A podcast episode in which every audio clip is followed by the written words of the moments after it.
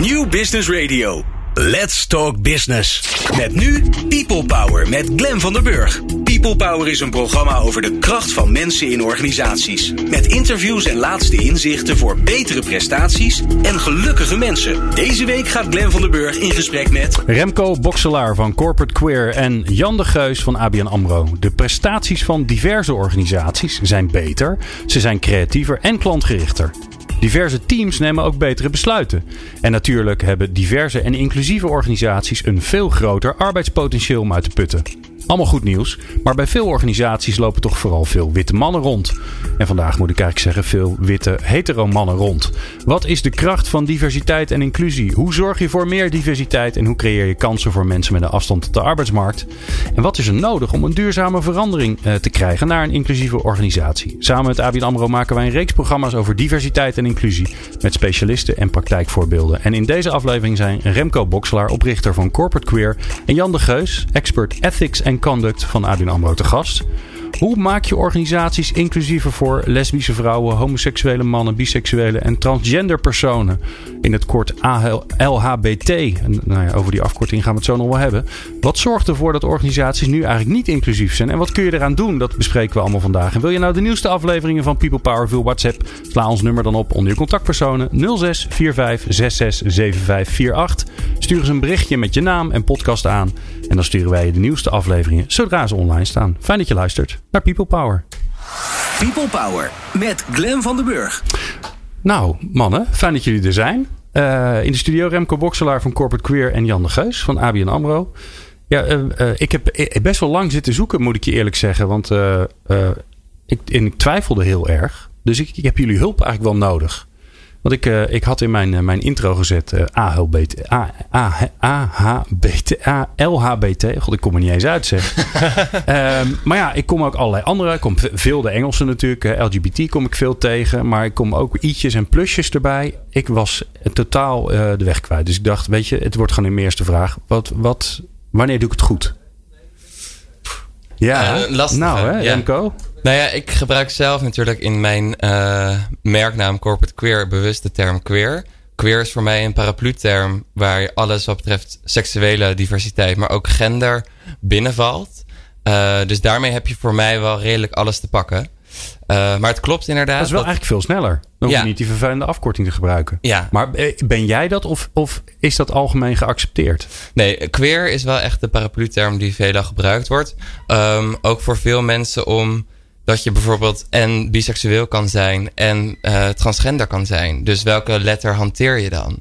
Uh, want je bent vaak niet één ding. Ik bedoel, als je zegt witte heteroseksuele man, dan heb je al over drie privileges. Ja. Ik gebruik hem niet voor niks. Ja. ja. Um, dus ja, waar doe je goed aan? Ik vind het altijd een lastige vraag, maar ik zie wel dat uh, de I steeds vaker wordt toegevoegd. Ja. De I van intersex community. Maar dat gaat weer specifiek over hoe iemand geboren is, met welke geslachtsorganen. En dat het dus niet duidelijk als mannelijk of vrouwelijk te herkennen is. En dus dat is weer zoiets anders dan iemand die op hetzelfde geslacht valt. Um, dus je, ja, je, je kan heel lastig alles op één hoop gooien. Dus ik vind het belangrijk dat die verschillende letters er zijn.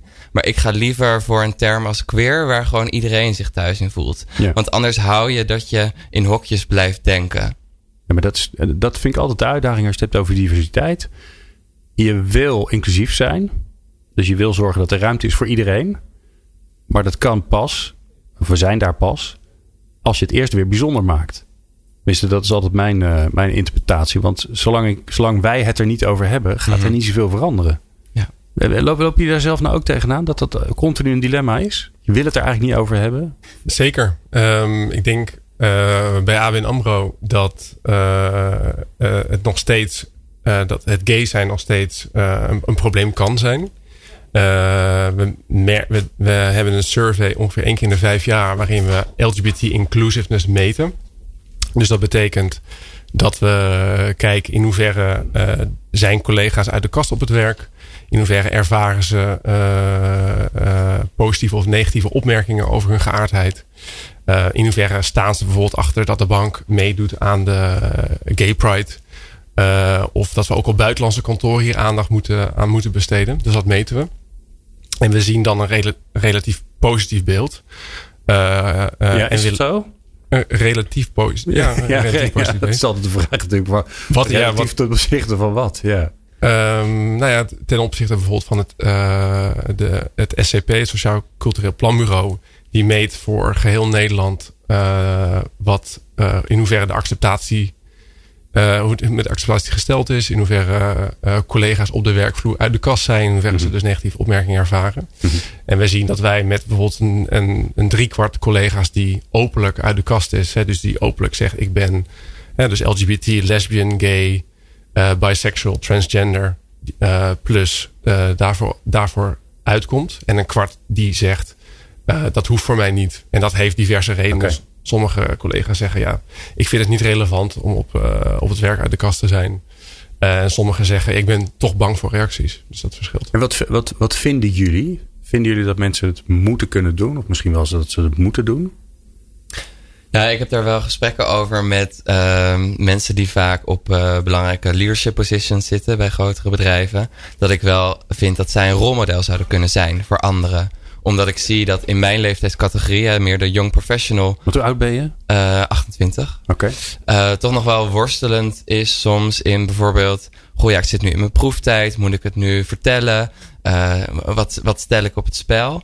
Um, anderzijds zie je gewoon een heel groot verschil tussen de meer masculine homoman die ja, als hetero door het leven gaat, als het ware, waarbij het niet opvalt, versus de meer feminine die eigenlijk niet uh, anders kan dan uit de kast komen. En het lastige is dat als je meer kijkt naar, je hebt natuurlijk inderdaad wat jij zegt, de angst voor bepaalde opmerkingen, maar anderzijds heb je ook een bepaalde HR-beleid, waar je bijvoorbeeld als LHBT'er misschien niet in herkent, omdat wat als ik kinderen wil, dan uh, staat er niet beschreven van wat als twee mannen kinderen willen. Ja, ja, dus in dat soort aspecten, en dat is misschien een detailniveau, maar vaak heb je wel een bepaalde worsteling achter de rug, een bepaalde coming out meegemaakt. En wil je niet meer anders zijn of uh, gepercipieerd worden als anders. En dat zijn dan wel momenten waarop je daaraan wordt herinnerd. Ja. Nou, eerst even, want wat ik altijd doe eh, bij alle programma's die ik maak, is dat ik eerst kijk van ja, waarom hebben we het hier nou eigenlijk over? dus uh, ja, waar ik wel benieuwd naar ben, eh, vooral ook omdat ik er zelf uh, relatief weinig mee te maken heb, is hoe is het nou eigenlijk gesteld? Dus, dus hoe staan we ervoor in Nederland, hè? In, in werkend Nederland, als het gaat over de queer zijn? Wat vinden, we, wat vinden we daarvan? Worden we, zijn we mega inclusief of hebben we op sommige plekken nog heel veel te doen? Ja, ik maak altijd daarin het onderscheid tussen tolerantie en acceptatie. Ik denk dat wij als Nederland zijn er best veel tolereren. Omdat we denken dat we heel open-minded zijn en dat we hier al lang mee bezig zijn. De meeste mensen kennen de eh, LHBT-afkortingen. Uh, nog niet iedereen, maar we zijn een heel eind uh, op weg. Maar echt accepteren en begrijpen wat het betekent om LHBT te zijn. En dus zo'n voorbeeld als ik net je niet herkennen in beleid. Ja, dat zal je nooit meemaken en zul je nooit begrijpen. En ik heb dat zelfs in familiekring dat ik dat nog aan ouders, uh, zus. Uh, en dat het ook een ding is? Ja. Hebben mensen snel zoiets van, ja, joh, hè? Interpreteer dat dan anders of zo? Dat nou ja, ze bij jou neerleggen? En ik probeer dan zoveel mogelijk voorbeelden te geven om toch te beschrijven van ja, maar als ik op vakantie wil, dan moet ik soms checken of ik daar wel veilig heen kan. Of ik heb nog dat ik uh, met collega's uh, vorig jaar naar Marokko ben afgereisd. Dat ik er dan uit word gehaald. Omdat ja, ik weet niet waarom. Ik kan het niet lezen van hun gezicht. Maar het valt dan wel op dat ze mij dubbel gaan checken. Uh, dat kan zijn omdat ik lang ben. maar ja, het kan ook zijn om hoe ik eruit zie. Ja. Dus als jij, en wat jij zegt, tolerant zijn we wel, echt accepteren en doorvoelen niet. Mm -hmm. waar uitzicht die tolerantie dan in? Waar, en, waar, en waar houdt het op? Dus waarvan denkt iedereen, oh, dat vinden we wel oké. Volgens mij zijn we Nederlanders heel erg trots op de gay pride. Dat vinden we allemaal heel tof. En uh, nou, weet je, dat wordt steeds commerciëler. Daar kun je ook wel van alles nog wat van vinden. Maar dat vinden we allemaal heel stoer. Daar gaan we heen. Dat is een uitje voor veel mensen. Ja, daarin is natuurlijk heel veel kritiek inderdaad op de commercialisering en de participatie van grote bedrijven daarin. Maar ik probeer dan altijd wel uit te leggen dat daar vaak activisten achter zitten om in die bedrijven daar wel budget voor vrij te maken. Om die raden van bestuur, die tot op heden toch over het algemeen gedomineerd worden door witte hetero-mannen, te overtuigen van de noodzaak om hiervoor te vechten. En, en waarom moeten ze dat doen? Ik denk dat je als bedrijf een heel mooi uh, voorbeeld kan zijn om te laten zien dat iedereen welkom is. En dat je die authenticiteit juist stimuleert. En op zoek gaat naar het echte talent van iemand. Uh, en daar de mogelijkheden voor biedt. En wat mis je als je het niet doet? Dus wat, wat, wat, uh, wat gebeurt er bij. wat gebeurt er bij mensen die, nou ja, die zich inderdaad nou, bijvoorbeeld niet herkennen in hun beleid? Of die die niet helemaal zichzelf kunnen zijn. Of dingen van zichzelf weglaten op hun werk. Wat, ja, ja. Wat, wat raak je kwijt daardoor? Ik, ik, denk dat je ze uiteindelijk misschien wel kwijtraakt. Echt kwijt? Gaan ze ergens anders werken? Um, als je ziet wat uh, ook nieuwkomers op de markt... Uh, grote techbedrijven bijvoorbeeld aan uh, diversity and inclusion doen. Um, als wij als ABN AMRO daar niet onvoldoende tegenover stellen dan raak je gewoon een gedeelte van je. Van je maar heb je een voorbeeld van wat je dan ziet bij die, bij die nieuwkomende bedrijven die eigenlijk vanaf scratch af aan het gelijk om omarmen? Uh... Ja, ze bouwen denk ik heel, heel snel een LGBT community op in hun bedrijven. Ja. Um, en op, ik denk op het moment dat jij je thuis voelt. Uh, en je, hebt met, je kunt met collega's ook een borreltje doen naar werk. Uh, of je doet zelfs evenementen dat je uh, daardoor je geaccepteerd voelt. En op het moment, hè, zoals Remco aangeeft, dat dan ook nog eens in beleid verankerd is dat je beschermd bent. Bijvoorbeeld als je afreist, ook voor je werk, naar een Arabisch land waarin het strafbaar is dat je je beschermd weet door je werkgever als je er naartoe gaat, dan uh, nou, dat zijn allemaal manieren, uh, denk ik, om, om, om, om collega's veilig te laten voelen. Zodat je en ik kan me heel goed voorstellen, als je inderdaad naar een, naar een, eh, naar een Arabisch land gaat, of maar misschien, uh, misschien waarschijnlijk mm. zelfs in Rusland, heb je al dat je denkt, nou, hier is de wereld toch even heel anders.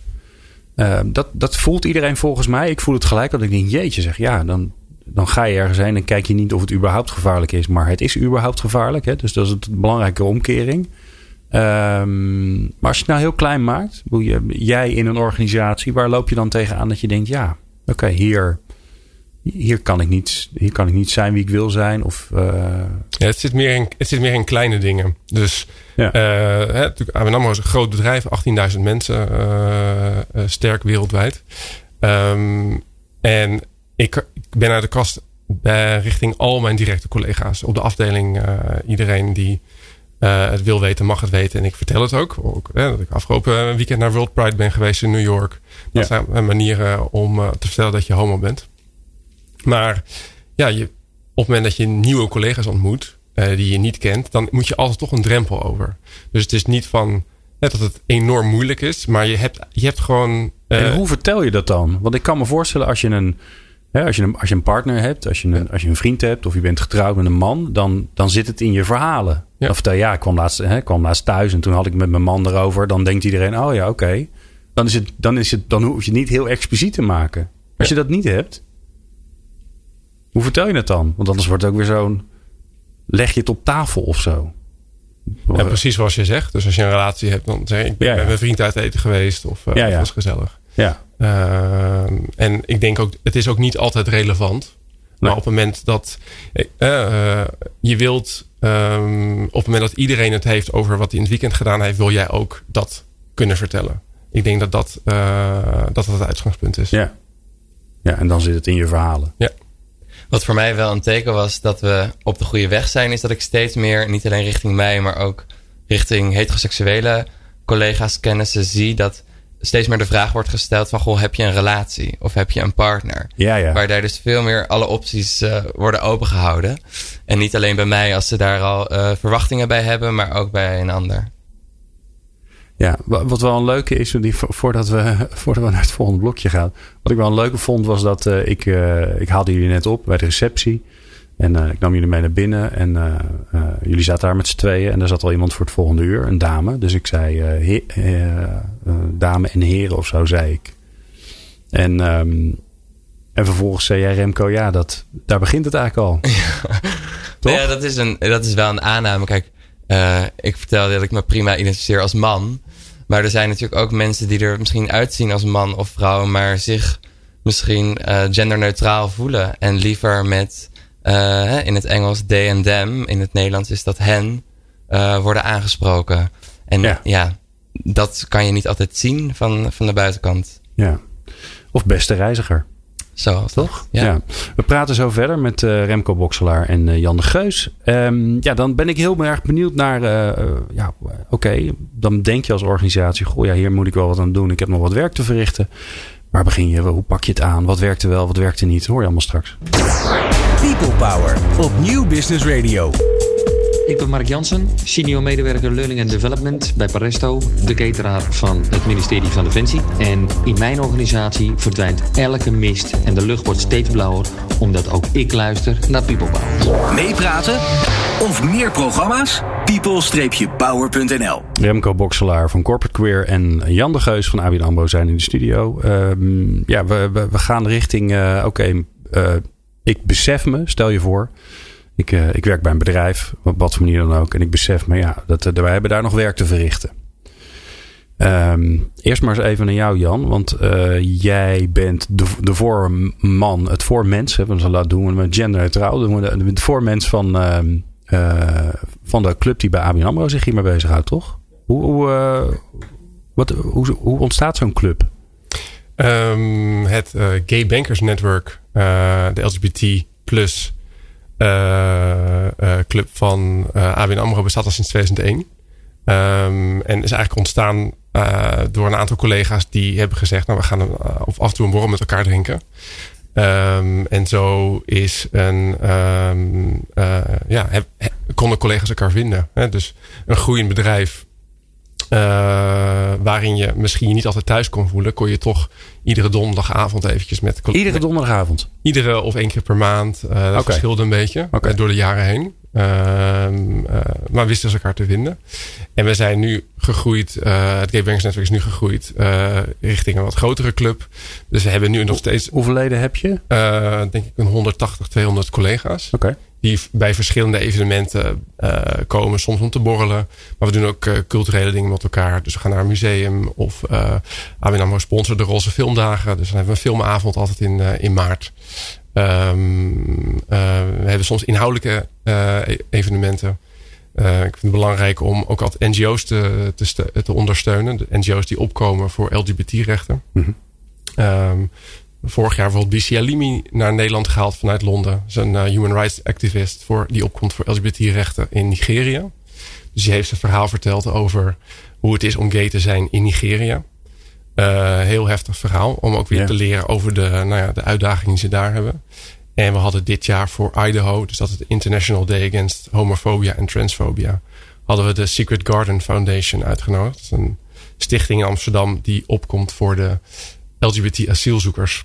Uh, in wat voor dilemma's zij allemaal tegenkomen. Of weer een ja, perspectief te wisselen tussen uh, de wereld van de homobankier en die van een homovluchteling. Ja. Ja, en dan kan ik me voorstellen dat je, dat je voor jezelf gaat bagatelliseren waar je zelf nog tegenaan loopt. Maar dat moeten we natuurlijk niet doen, hè? Want uh, ja, gelukkig, gelukkig is het hier best oké, zou je kunnen zeggen, maar nog niet oké genoeg. Um, hoe, hoe zet dan de, de bank jou jouw organisatie in om het te verbeteren? Welke rol spelen jullie daarin? Um, het is uh, behalve dat we dus een, uh, een, een, een, netwerkclub zijn. Uh, op het moment dat er incidenten plaatsvinden. dus dat bijvoorbeeld een collega zich gediscrimineerd voelt.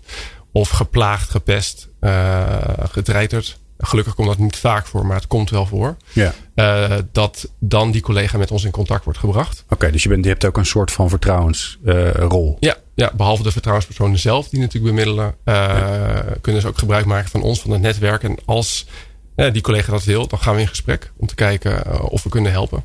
Ja. Um, en verder zijn we ook een belangrijke partner voor de Raad van Bestuur. Om na te denken over, oké, okay, uh, LGBT-onderwerp op de agenda van ABN AMRO breder. Ja. En toen ook bijvoorbeeld gezegd van nou, ja, we willen in de Pride ook een rol spelen. Um, niet zozeer op een moot, maar ook wel weer in, um, in samenwerking met NGO's. Uh, en dat gaan we dit jaar ook op een bijzondere manier doen. Kan ik niet zoveel over zeggen. Ik wou net zeggen, ik voelde, ik voelde of een scoop of een stilte aankomen. Het was een van de twee.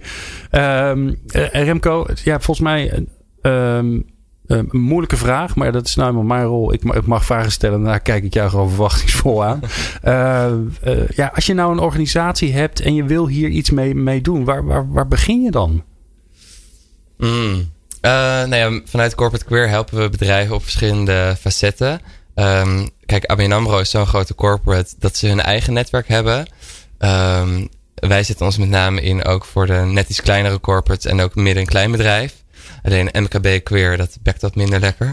Um, dus we kunnen helpen met het organiseren van events om gewoon een discussie aan te jagen.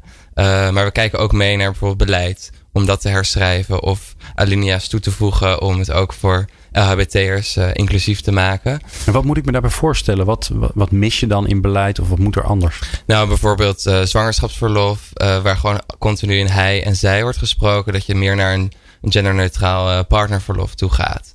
Um, maar... en, en, wat doe je dan in plaats van hij en zij? Want ik kan me voorstellen, mensen die, die luisteren, die, die denken, oh ja, dat doen wij ook. Dat is zoek, zoek en vervang. En ja, zo was ik laatst uh, te gast bij Salesforce, waar zij al wel verder zijn met bijvoorbeeld de first en second caregiver. Waar ze dus ook de kans geven om de man, zeg maar, de eerste prioriteit te geven als je uitgaat van de, de hetero-relatie. ja. en, en de vrouw bijvoorbeeld veel sneller weer aan het werk gaat. Um, dus dan heb je het en genderneutraal en kan je zelfs nog dus kiezen hoe je, de, hoe je de tijd verdeelt. Want hoe is dat nu? Stel je voor, je bent uh, uh, twee mannen. Je adopteert een kind. En normaal als je als vrouw zwanger raakt, dan krijg je vier maanden zwangerschapsverlof. Ja. Nu krijg je als man, krijg je samen een kind. Nou, dat is een... Uh, ik kan zeer uit ervaring spreken. Als er een kind komt, dan staat alles op zijn kop. Ja. Dan moet je flink aan wennen. En het is ook overigens ook een fantastische periode. Maar als mannen, nou ja, het was drie dagen volgens mij. Als je echt een kind kreeg, ik weet niet hoe dat bij adoptie is. Is daar iets voor geregeld? Ja, ik werk zelf bij een uh, middelgroot consultiebureau en heb daar wel zeg maar, het beleid op nageslagen. En ik, geen idee. Ik zou uh, in gesprek moeten met onze directie om te kijken wat mijn mogelijkheden zijn. Maar dat is dus wel weer zo'n moment. Maar in het ergste geval moet je de volgende dag aan het werk. Nee, dat kan natuurlijk niet. Nee, dus, ja. Dus maar daar moet je dan samen in uh, overleg een oplossing voor zoeken. Maar dan geeft hij wel weer aan van, oh ik ben anders dan ja. dan menig ander. Ja. Nou, sterker nog, jij moet naar iemand toe, naar je leidinggevende en zeg joh, uh, ik ga met mijn partner, wat trouwens by the way een man is, ga ik een, een kind adopteren. Dus ik, alle regels die er zijn, alle wetten die er zijn, maar ook alle regels die er zijn, ik val er niet onder. Wat gaan we doen? Ja. En eigenlijk wil je dat gesprek überhaupt niet hoeven voeren, toch? Nee. Dat is het. Ja. Jeetje mina, hey. Je hebt nog een hoop te doen, Remco. en Janne, trouwens jij ook. Oké, dus, maar, uh, uh, dus beleid. Maar beleid klinkt ook, uh, klinkt ook als een klein deeltje. Mm -hmm. nou, het gaat... Wat doe je met al je collega's, de mensen om je heen, het gedrag wat ze hebben, de taalgebruik, wat zij, wat zij bezig Ja, wat, ja, ja. Um, wat, uh, maar dat is ook uit name van een andere functie, uh, vanuit gedrag en ethiek. Wat we doen is mensen gewoon met elkaar in gesprek brengen. En dat gaat niet alleen over LGBT, uh, maar gaat gewoon over omgangsvormen. we merken dat er van alles speelt. Alleen uh, door eigenlijk gewoon door alle drukte nemen collega's niet de tijd om het gesprek over het gesprek te laten gaan. Uh, dus ik begeleid soms dialogen. En dan gaan we met elkaar in gesprek. Wat, wat hoor je nou? Wat je, wat je eigenlijk vindt wat, dat een grens overgaat. En dan gaan we met elkaar die grens verkennen. En waarom is dat voor, oh. voor jou een grens en voor die andere collega niet? Ehm, en zo kun je bepalen zonder dat je beleid nodig hebt, eh, per se nodig hebt. Het beleid is belangrijk. Mhm. Maar ook met elkaar uh, over nou, hoe willen we met elkaar omgaan.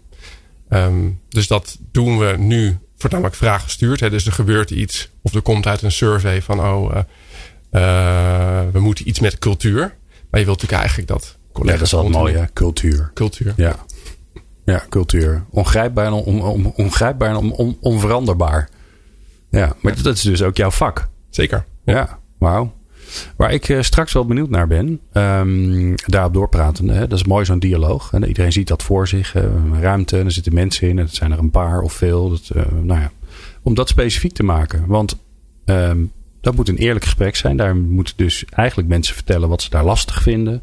Of wat ze misschien ook stom vinden. Dat, ze, dan moeten mensen eigenlijk kunnen zeggen: jullie stellen je een beetje aan. maak je nou, ik bedoel het best goed. Nou, dat soort gesprekken wil je dat is best ingewikkeld om dat voor elkaar te krijgen. Dus daar gaan we het zo over hebben. Maar we gaan zo eerst naar, uh, naar Sven Romkes, naar onze fantastische columnist. Die hoor je zo. People Power. Inspirerende gesprekken over de kracht van mensen in organisaties. Met Glen van der Burg. Ja, en met Sven Romkes. Want uh, onze fijne, een van onze fijne columnisten, maar wel uh, de enige die uh, toch bijna de minister van Gehandicaptenzaken is geworden, die hebben we aan de lijn. En iets in mij zegt er ook dat ik ook wel blij ben dat het niet is gebeurd. Want zo blijf je gewoon Sven Romkes werkend bij ABN AMRO, Sven. Jazeker, ik ben blij dat ik ben wie ik ben. Ja, toch? Je blijft wie je blijft. Ja. Sven, vandaag ja. over de muur stuurde je mij door. Ik krijg altijd van die cryptische, dan zeg ik, goh, waar ga je het over hebben? En dan krijg ik iets waar ik niks aan heb. Over de muur. Nee, dat, dat vind ik het leukste, zodat jij ook een hele tijd in verwarring blijft. Maar deze gaat over um, eigenlijk het allerengste waar iemand met een beperking mee te maken krijgt. Alright, de nou. onzichtbare muur. Ik ben zo benieuwd. Oké, okay, daar gaan we. Um, het allerengste waar iemand met een beperking tegen, uh, mee te maken krijgt is de onzichtbare muur. Die muur van je beperking die je niet ziet aankomen, maar die er eigenlijk stiekem wel is. Een muur waarvan je ook niet helemaal weet hoe hoog hij is. Ook niet precies hoe ver hij nog van je verwijderd is. Maar je weet zeker dat als je niks doet of er helemaal geen rekening mee houdt, dat je er vanzelf keihard een keer tegenaan knalt. En deze onzichtbare muur bestaat daadwerkelijk. Het is niet die onzichtbare muur die op de grens van Amerika en Mexico staat, waar de eerste steen nog van moet gelegd worden, maar waar Mexico zeker voor gaat betalen. Nee, het is een daadwerkelijke onzichtbare muur. Um, ik sprak vorige maand een medewerker die uh, tot nu toe in haar hele carrière altijd zes maanden heeft gewerkt. Daarna uitviel en drie maanden moest bijkomen omdat ze volledig burnt out was en overprikkeld. En ze wist nooit waarom. En onlangs is haar beperking vastgesteld. En ze was eigenlijk zo opgelucht dat zij een doorkreeg van ik heb ook daadwerkelijk die beperking. Het, het komt ergens door. Dus er bestaat iets als die onzichtbare muur. Want als je weet dat die er is, dan kun je ook een plan maken om te kijken hoe je daar, ja, hoe je die muur gaat slechten, hoe je er voorbij komt. Nou, de meeste mensen met een beperking komen die muur niet zo drastisch, maar wel frequenter tegen. Die hebben dan niet een instortingsperiode van maanden aan één stuk, maar gewoon een vaste instortperiode aan het einde van de week. Een normaal leven zit er niet in, want op vrijdagavond tot en met zaterdag, oh ja, en ook nog zondag, eist die muur zijn tol en hebben mensen minimaal 1 à 2 uitrustdagen nodig in het weekend om weer energie te hebben om de rest van de week de muur te vermijden. Niet een leven zonder muur en ook niet echt een leven, maar een volledig ommuurd bestaan, zal ik maar zeggen. Uh, tijdens de campagne voor minister voor Gehandicaptenzaken had een van mijn concurrenten uh, het heel letterlijk genomen door een enorme klimmuur te gaan beslechten. Zij had zelf enorme last van hoogtevrees. En soms is een letterlijk een muur beslechten ook niet een slechte metafoor om, om je angsten te overwinnen. En soms is een muur zoiets van ik kan mezelf niet zijn of openlijk niet houden van wie ik hou, omdat de wereld daar niet voor open staat. Een onzichtbare muur om te slechten. En hoe doe je dat nou? Verschillende opties. Een sloophamer, een touwladder, een tunnel. Elke muur heeft zijn eigen tactiek en het duurt uh, een tijdje voor die is opgelost. En soms komt de overheid zelfs met een schijnoplossing voor een muur. Er is bijvoorbeeld een probleem van een enorme uitval in het vervolgonderwijs. Uh, en mensen met een speciaal onderwijs kregen geen diploma. En nu krijgen ze wel een diploma en is dat de oplossing? Terwijl er nog steeds een enorme uitstroom in het regulier onderwijs is met een vervolgopleiding. Sommige problemen, sommige onzichtbare problemen zorgen voor een onzichtbare oplossing, zullen we maar zeggen. Of niet, meneer Aristotle? Um, voor de onzichtbare muur van het niet jezelf kunnen zijn, bijvoorbeeld als je homo, lesbisch, biseksueel bent, heb je een antwoord. Daar moet je aandacht voor vragen. Soms moet je gewoon met een big statement naar buiten gaan dat dit gewoon kan. Gewoon is en ook gewoon blijft. Hou van wie je houdt. Soms is het een manier om je eigen controle weer terug te krijgen over je energie. Door bijvoorbeeld met een energiebalans-app eh, en een bijpassend horloge echt onderdeel te zijn van je eigen controle. En soms helpt het al als je andere muurbeklimmers spreekt die hun muur hebben beklommen. Allemaal initiatieven van ABN AMRO om die onzichtbare muren te slechten. En dat maakt me eigenlijk wel trots. En het voordeel is, als je dat dan gedaan hebt, dan hou je tijd over. Misschien om lekker op vakantie te gaan, om echte muren te bekijken. De Berlijnse muur, de muur van China of de muur tussen Noord-Ierland en Ierland. Je zou ook Amerika kunnen overwegen, want daar schijnt nog een laatste mooie onzichtbare te staan. Dankjewel Sven, mooi. Ja, mooi man. Hey, en hoe, hoe is het met jouw eigen muur? Want je hebt ook zo'n muur volgens mij, toch? ik heb zeker zo'n muur en ik doe ook mee in de pilot die ik graag wilde dat er kwam. Ja. dus ik ben zelf ontzettend onderdeel van het weer in controle zijn van de eigen muur. Ja, je hebt ook nog wel eens neiging om een tikje over je grenzen heen te gaan. Uh, zeker weten. Nou goed, dan zou ik zeggen diep inademen. Diep uitademen. En klimmen. en rustig het strandstoeltje neerzetten voor je muur. En even lekker naar je eigen muur kijken, maar uh, niet er tegenaan lopen. Hey Sven, uh, dit, uh, dit was voor, de, voor de zomerstop de laatste. Dus wij, wij, wij, spreken jou naar de zomer weer. Hey, tot naar de zomer en fijne vakantie allemaal. Dankjewel hè. People Power met Glen van den Burg. Meer luisteren? people-power.nl Remco Bokselaar van Corporate Queer en Jan de Geus van ABN AMRO zijn in de studio. We praten over, uh, over diversiteit en inclusie. En dan specifiek over, uh, over volgens, volgens Remco queer. En uh, volgens, volgens de websites is het LHBT en dan soms nog wat letters en plussen en Q's erachter. Maar iedereen weet ondertussen waar we het over hebben. Um, Jan, jij zei net van ja, eigenlijk vanuit mijn, vanuit mijn, mijn baan uh, als het gaat over, over, bijvoorbeeld over ethics, waar jij je mee bezighoudt, uh, organiseren we dan dialogen. Uh, en dat, dat werkt ook heel erg goed bij, nou, als, we het, als we het hebben over de acceptatie, de tolerantie, maar ook vooral natuurlijk, dat willen we, de inclusie van, van iedereen. Um, dan is iedereen het er altijd mee eens. Ja, dialoog is belangrijk. Um, ik wil dan altijd weten, hoe doe je dat dan? Hoe ziet dat eruit? Welke als jij die vraag krijgt, waar, ja, welke schakelaartjes gaan er dan gelijk om in je hoofd? Welke keuzes maak je?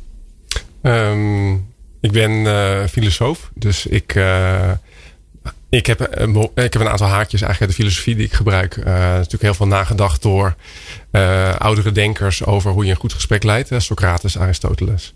Dus die sleep ik er met de haren bij. Ja, nou help ons even voor iedereen die niet uh, de moeite heeft genomen om dat allemaal tot zich te nemen. Uh, het begint eigenlijk altijd met een, uh, een voorbeeld. Dus niet abstract praten, maar wat heb jij nou meegemaakt waarvan jij voelde dat gaat een grens over? En wat maakt dat dan een, dat het een grens over ging? En wat gaat er dan op dat moment door je heen? Wat voel je? Hè? Ben je blij of bang of boos, beschaamd, bedroefd? Wat komt er naar boven? En zoek je dan iemand die dat wil vertellen? Want ik, dus het klinkt als een soort hè, deuropener. Van oké, dan als dat gebeurt, iemand dat durft, dan durft de rest ook wel. Ja, dus we beginnen altijd met kwetsbaarheid. Bijvoorbeeld van mij, uh, dat, dat ik iets vertel of uh, dat we een voorbeeld uit de organisatie naar voren halen. En dit, dit gebeurt er allemaal hè, als het gaat om beste discriminatie, uh, meldingen. Um, en dan vervolgens kunnen mensen anoniem hun eigen voorbeelden insturen via gewoon een programmaatje. En eh, dan zien we dat op het scherm. En dan kun je daar uithalen. Hey, dit is interessant. Eh, wat zullen we eens bespreken? Oh, dit, deze komt okay. voor. Ja. Ah, oké, dus je hebt een soort tool, een online tool-achtig ding... waarbij je je eigen verhaal kan delen... zonder dat je gelijk in die groep ervoor moet gaan staan. Zeker. Ja, ja. wauw. Um, heb je zelf een verhaal? Als we dan toch, hè, laten we het ook maar gelijk toepassen. Als je nou terugkijkt in jouw, in jouw werkende leven... En hoef je natuurlijk niet te vertellen waar het was. Maar waarbij je, als je nou zelf zou moeten vertellen wat het voor jou betekent. En wanneer jij dan dacht van ja, dit is niet oké. Waar denk je dan aan? Um, wat, ik heel, wat ik heel erg lastig vond, is dat bij een bepaalde werkgever uh, op een gegeven moment uh, een, een, uh, een andere man mij vastpakte. Op de, op de werkvloer. was gewoon één op één. En uh, aangaf van, oh, je, je gaat van naar de sportschool. En mij vervolgens ook aanraakte, streelde over mijn arm. Dat okay. ging op dat moment voor mij een grens over. Uh, en ik heb dat later ook gezegd. Ja. Of, of, het is heel gek, op zo'n moment sta je met, met je bek vol tanden. Ja. Uh, en dan kom je dan later. Denk je van, ik moet hier iets van zeggen en dan kom je erop terug. Ja. ja. Bizar eigenlijk hoe dat werkt. Hè? Dat je dan toch even helemaal niet weet dat je niet weet, niet eens niet weet wat je moet reageren. Maar dat je gewoon dat je een soort blok hebt of zo. Ja. Alright. En daar begint het dan. De, jij vertelt dat en vervolgens komt het los. Ja, wordt, het, wordt het gedeeld. En Hoe komt... groot is die groep waar je dat dan in doet? Um, verschil tussen de 30 en de 60 uh, mensen. Oh, dus best veel. Ja. Oké. Okay. Kies je daar bewust voor? Um, dat heeft ook zo beperkingen, kan ik me voorstellen, als je met ja, veel mensen. Ja, het moet niet groter dan 50 à 60 mensen. Dat nee. klopt. Want dan raakt het het persoonlijke kwijt. Ja. maar dat kan prima juist omdat je met die tool werkt. Krijg je veel voorbeelden. Sommige mensen kiezen ervoor om eerst achterover te leunen. Uh, anderen doen hun verhaal. En je merkt dan dat ze op een gegeven moment toch zelf komen. Mhm. En hun eigen verhalen delen. En er, leek, er gebeurt enorm veel. Ja. Ik denk ook sinds hashtag MeToo dat uh, mensen ook zich meer bewust zijn van omgangsvormen. En, en grappen. En ja. dat kan zijn richting vrouwen, maar ook dus mannen, LGBT, Marokkanen, Turken. Overal, ja, er worden over veel dingen grappen gemaakt. Ja. En dat we daar dus nu wel een soort van nieuw bewustzijn voor krijgen. En waar aandacht voor is op de werkvloer. Ja. Dat vind ik wel een interessante, hè? want uh, humor kan enorm pijnlijk zijn. Grappig voor heel veel mensen, maar vreselijk pijnlijk, pijnlijk voor weinig. Um, aan de andere kant is het, kan het ook een soort sociale smeerolie zijn. Die balans is natuurlijk ongelooflijk ingewikkeld, Remco. Wat, wat te doen? Ja, ik denk dat uh, unconscious bias trainingen of awareness trainingen die uh, uh, Jan net noemde, heel goed zijn om soort van in die cultuur waarin je werkt, in het bedrijf waarin je werkt, uh, een soort natuurlijk mechanisme te creëren dat iedereen elkaar automatisch corrigeert. Dat je goed met elkaar in je kernwaarden definieert wat vinden wij nou normaal en wat vinden wij niet meer oké. En dat werkt eigenlijk alleen maar door het vertellen van verhalen. Mm -hmm. mensen, allerlei mensen uit je organisatie verhalen laten vertellen over wat zij hebben meegemaakt en wat ze inderdaad net onprettig vonden. En bij ons, zeg maar bij het consultiebureau waar ik dan werk, resulteerde dat in een soort uh, sneeuwbaleffect. Waarbij mensen begonnen over Zwarte Piet. Of begonnen over de, de winstdeling die werd ingehouden bij vrouwen als ze met zwangerschapsverlof waren. Ja, ze, ja, dat kan eigenlijk helemaal niet. Dus dat hebben we toen ook gelijk teruggedraaid. Dus zo, als het eenmaal bespreekbaar is geworden. En je daarmee met elkaar een veilige werkvloer hebt gecreëerd. En weet wat veiligheid betekent. En dat ook maar vaak genoeg laat terugkomen. Um, ik denk echt dat daarin ook die kracht van herhaling heel belangrijk is. En dat je dan met elkaar goed bezig bent. Ja. En nou kan ik me voorstellen, Jan, dat. Uh, nou, uh, neem maar een voorbeeld. Uh, iemand maakt een grapje of die zegt tegen iemand: hé, hey, mietje. En nou, dat gebeurt. Hè. Dat wordt in veel taalgebruik wordt het, wordt het gebezigd. Ik denk dat ik het zelf ook wel zeg. om maar gelijk eerlijk te zijn. Ehm, en dan heb je natuurlijk dat haal je naar boven. En dan, en dan komt er naar boven van ja, dat vinden wij. Er zijn mensen die dat niet prettig vinden. Dan kan ik me voorstellen dat een hele grote groep mensen denkt: Oh, dat doe ik ook. En die, die zijn zich bewust en die schamen zich een beetje. Denken: Ja, shit, weet je wel, dat, dat moet ik gewoon niet meer doen. Ik kan me ook voorstellen dat er mensen zijn die zeggen: Ah ja, steen niet zo aan. Hè, kom op, ik bedoel het toch niet zo. Hoe krijg je dat boven tafel? Want als iedereen een beetje politiek correct gaat zitten doen en zeggen van nou ja, weet je, nee, dat kan inderdaad echt niet. Mhm. Je wil natuurlijk dat, er moet even scherp worden of zo. Um, wat, wat we doen in die sessies is perspectiefwisseling. Dus uh, stel je voor, ik, dat voorbeeld van net, ik maak dit mee. Uh, en ik, dan vraag ik iedereen in de zaal, wat zou jij hebben gedaan? Wat zou jij hebben gevoeld in, in, in mijn plek? En dan moet dus ook jij, die denkt van, nou, dat is dan niet zo'n uh, niet zo'n niet zo'n probleem.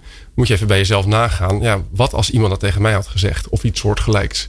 Hoe, wat zou ik dan gevoeld hebben en gedacht? En wat had ik gedaan? Ja. En als je dan uh, bij verschillende mensen uh, in de zaal langs gaat. Oké, hoe reageer je? Dan heb je een dialoog. Want de een begrijpt gewoon niet waarom de, de, de ander zo reageert. Ja.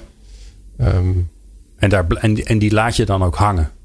Ja, want uh, er is natuurlijk, anders zouden we geen probleem hebben er is ook gewoon een soort tegenstrijdigheid waarvan de ene denkt van ja, dat is dat. Ja, dus dan, en dan eindigen we ook met, ja, kunnen we hier een grens formuleren? En wat Remco zegt, uh, iets wat je misschien wel met elkaar kunt afspreken. Dat kan niet altijd. Nee. Uh, maar soms kun je ook, uh, heb je een soort van bewustzijn van een soort van een les. Van, oh ja, we moeten in ieder geval even bij elkaar toetsen of die grap oké was. Je hoeft niet die grap, als je denkt dat die kan, per se in te houden. Uh, uh, maar dan wel even toetsen, is het oké okay voor jou? Uh, en niet maar denken, ja, dat moet je maar tegen kunnen. dus denk dat daar het verschil zit. Ja, ja. mooi. we gaan richting het einde van het uur hoor. Nee, wees niet bang. ik vind het altijd wel mooi om er met een soort iets concreets uit te gaan voor de luisteraar. Zodat hij kan denken, oh, dat, dat zou ik morgen zou ik dat kunnen gaan doen dus uh, stel je voor dat je weer aan het luisteren bent. Je houdt je met dit soort onderwerpen bezig. Hè, anders luister je niet naar. Wat, zou, wat zouden mensen morgen kunnen doen? Remco, mag jij beginnen? Fijn hè, dat je als eerste bent. Um, nou ja, ik denk dat het leuk is om uh, geïnspireerd te raken op dit, uh, op dit thema. En dat is ook wel echt wat we op de social media van Corporate Queer proberen te doen. Dus met name via Instagram, maar ook Facebook en LinkedIn. Gewoon continu als we ook iets zien of lezen in kranten of nieuwsberichten. Dat we dat ook de status quo willen challengen. Van is dit niet heel giftig wat hier staat opgeschreven? En dat dan ook terugleggen aan de community van wat vinden jullie hiervan? Uh, want zeker in de tijden van de Nashville-verklaring uh, zijn er ook weer verschillende mensen geweest die in de community ook hun verhaal hebben gedeeld van, ja, ben ik eigenlijk gek? Dit heeft me geraakt. Uh, gaat dit nou een grens over? Omdat ook vaak degene die slachtoffer is in die zin, vaak even ruggespraak wil hebben van, ja, ligt het nou aan mij? Of, of is deze norm niet oké? Okay? Ja, alright. En dan kunnen ze hier naar jouw website. En dat, en dat ehm, is, hè, ik mag nu even gewoon enorm reclame maken. de website is in aanbouw, dus die volgt deze zomer. Oh ja, en dat is natuurlijk heel uh, ouderwets. Nee, je moet even je Maar Instagram ik zou social media en, inderdaad uh, ja. volgen. Ja, Instagram met name. Ja. ja. ja. en hoe Corporate heet Queer. Oh, dat is overal hetzelfde? Overal hetzelfde. Oké, okay, en geen underscore streepjes of wat dan ook. Corporate Queer. Mooi, dankjewel. Nou Jan, de uitsmijter, daar komt hij. Um, ja, ik denk behalve het activisme, uh, zet uh, een netwerk op in je organisatie. Uh, breng LGBT-mensen bij elkaar. Uh, het is het leukste als dat vanuit de gemeenschap zelf komt. Maar je kunt het ook als bedrijf zelf uh, voorstellen. Uh, op scholen ze ook wat een Gay Straight Alliance. Dat je echt de LGBT'ers met straight allies bij elkaar zet om elkaar te versterken. Um, we hebben nu ook een aantal kantoren overzees die net begonnen zijn met LGBT-netwerken in Londen, New York. Um, en uh, ja, van daaruit bouwen ze eigenlijk uh, aan diversiteit en inclusie binnen hun offices. Mooi. Nou, en anders kunnen ze jou altijd vinden. Ergens op, uh, op LinkedIn of zo. Ja, mooi. Um, bijzonder bedankt. Mijn studiogasten. Ik heb wat geleerd ondertussen. Hè, dus ik, ik weet niet of ik het volgehouden. Want het is best wel lastig om al mijn programma's genderneutraal te gaan, uh, gaan presenteren. Maar uh, ik, ga het, ik ga het gewoon proberen. Why not? dus dank jullie wel. Bijzonder leuk dat jullie er waren. Dank voor het delen van jullie kennis en ook je eigen kwetsbaarheid. Um, in het volgende uur, want we hebben nog één uur voor de vakantie. Um, gaan we in gesprek over Tata Steel. een organisatie waar een heel diverse groep mensen aan het werk is. jong, oud, allerlei verschillende soorten werk wat er gedaan wordt. Operators in ploegendiensten, ingenieurs op kantoor. En hoe zorg je nou voor dat al die medewerkers gezond en vitaal blijven. Diana de Lange, zij is programmamanager gezondheid en vitaliteit, is de gast samen met Martine Bolhuis van Centraal Beheer. Dat hoor je straks in de volgende aflevering van People Power. En als je dit nou uitgesteld op de podcast aan het luisteren bent, kun je gewoon doorluisteren. En anders moet je even zoeken op peoplepower.radio. Dankjewel voor het luisteren. People Power met Glen van der Burg. Meer luisteren? people-power.nl